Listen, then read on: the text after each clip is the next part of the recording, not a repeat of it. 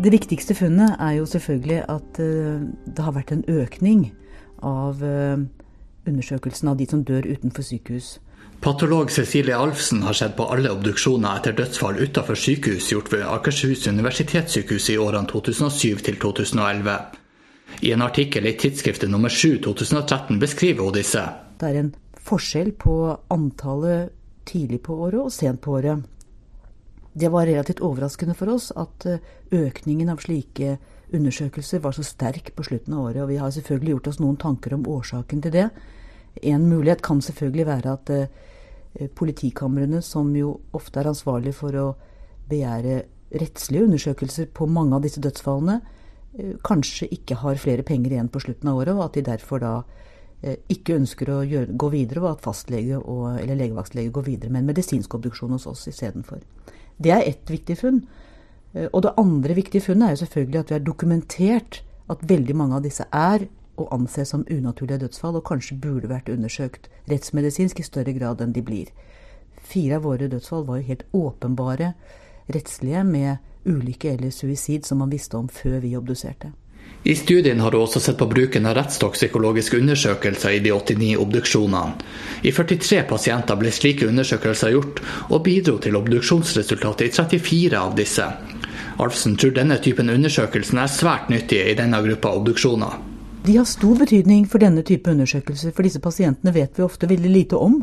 Mange av dem er blitt funnet døde, eller det er pasienter med fortid med psykiatrisk sykehistorie og slike ting, eller alkoholmisbruk eller narkotikamisbruk. Så denne type undersøkelser er veldig viktige. Ikke minst for å utelukke at det kan være noe forgiftning. Problemet med denne undersøkelsen er at den er dyr.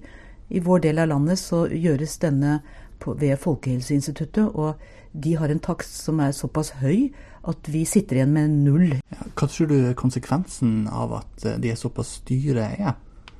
Konsekvensen er helt klart at vi gjør færre enn vi egentlig ønsker. Så vi, vi pleier å ta av uh, blod og urin uh, som sånn rutinemessig ofte, i påvente av funnene under selve obduksjonen, og vi fryser de inn inntil vi vet om vi kanskje trenger det.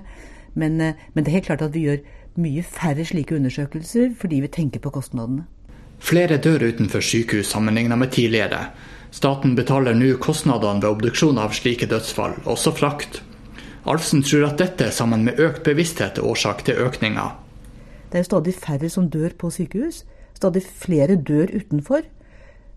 Den største økningen av de som dør utenfor, er selvfølgelig på sykehjem, og der er det fortsatt veldig få som undersøkes. Det er også i seg selv et stort problem. Ehm, men, eh, men jeg tror først og fremst at Årsaken til økningen er nok økt bevissthet, og samtidig at mange av disse dødsfallene som tidligere automatisk ble undersøkt ved Rettsmedisinsk institutt i Oslo, i vår region, de undersøkes ikke lenger. Så det kan nok være et økt behov for at noe faktisk, noen går inn og ser på hva årsaken til døden var. Så det er nok en parallelt fall av det rettsmedisinske og en økt bevissthet rundt selve muligheten for obduksjon. Hva mener du om andelen som må obduseres? Ja, totalt sett så har det har vært en reduksjon av antall obduksjoner over tid. Ikke bare i Norge, men internasjonalt. Og jeg tror ikke egentlig at det er så bekymringsfullt. Det som er bekymringsfullt, er at det, er nokså tilfeldig hvem som obduseres. Hvis man kunne få noe systematikk bak hvem man velger ut, så tror jeg man kan godt holde seg på en frekvens som ligger under 20% Vi er jo i Norge nå nede på under 10% for alle som dør.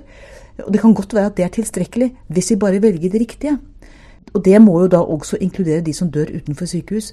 At man får et system på hvor mange som undersøkes av de som dør på sykehjem, og at man har et system på hvem man undersøker av de som dør eh, i hjemmet eller på gaten. Så, så, så, en lav andel behøver ikke nødvendigvis si en dårlig, eh, en dårlig obduksjonsdekning, hvis man bare gjør det riktig. Og den store reduksjonen som har vært de siste årene i, i Norge, jo, skyldes jo dessverre for en stor grad fusjonen uh, fusjonsprosessen ved Oslo universitetssykehus. Vi ser at de store fallene i Norge skyldes at uh, obduksjonene ikke lenger gjøres ved Aker og Radiumhospitalet og Rikshospitalet, men bare på Ullevål. Og det er et problem i seg selv.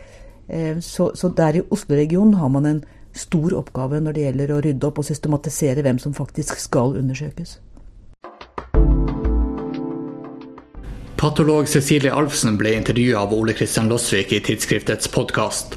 Artikkelen kan du lese i tidsskriftets syvende utgave i 2013.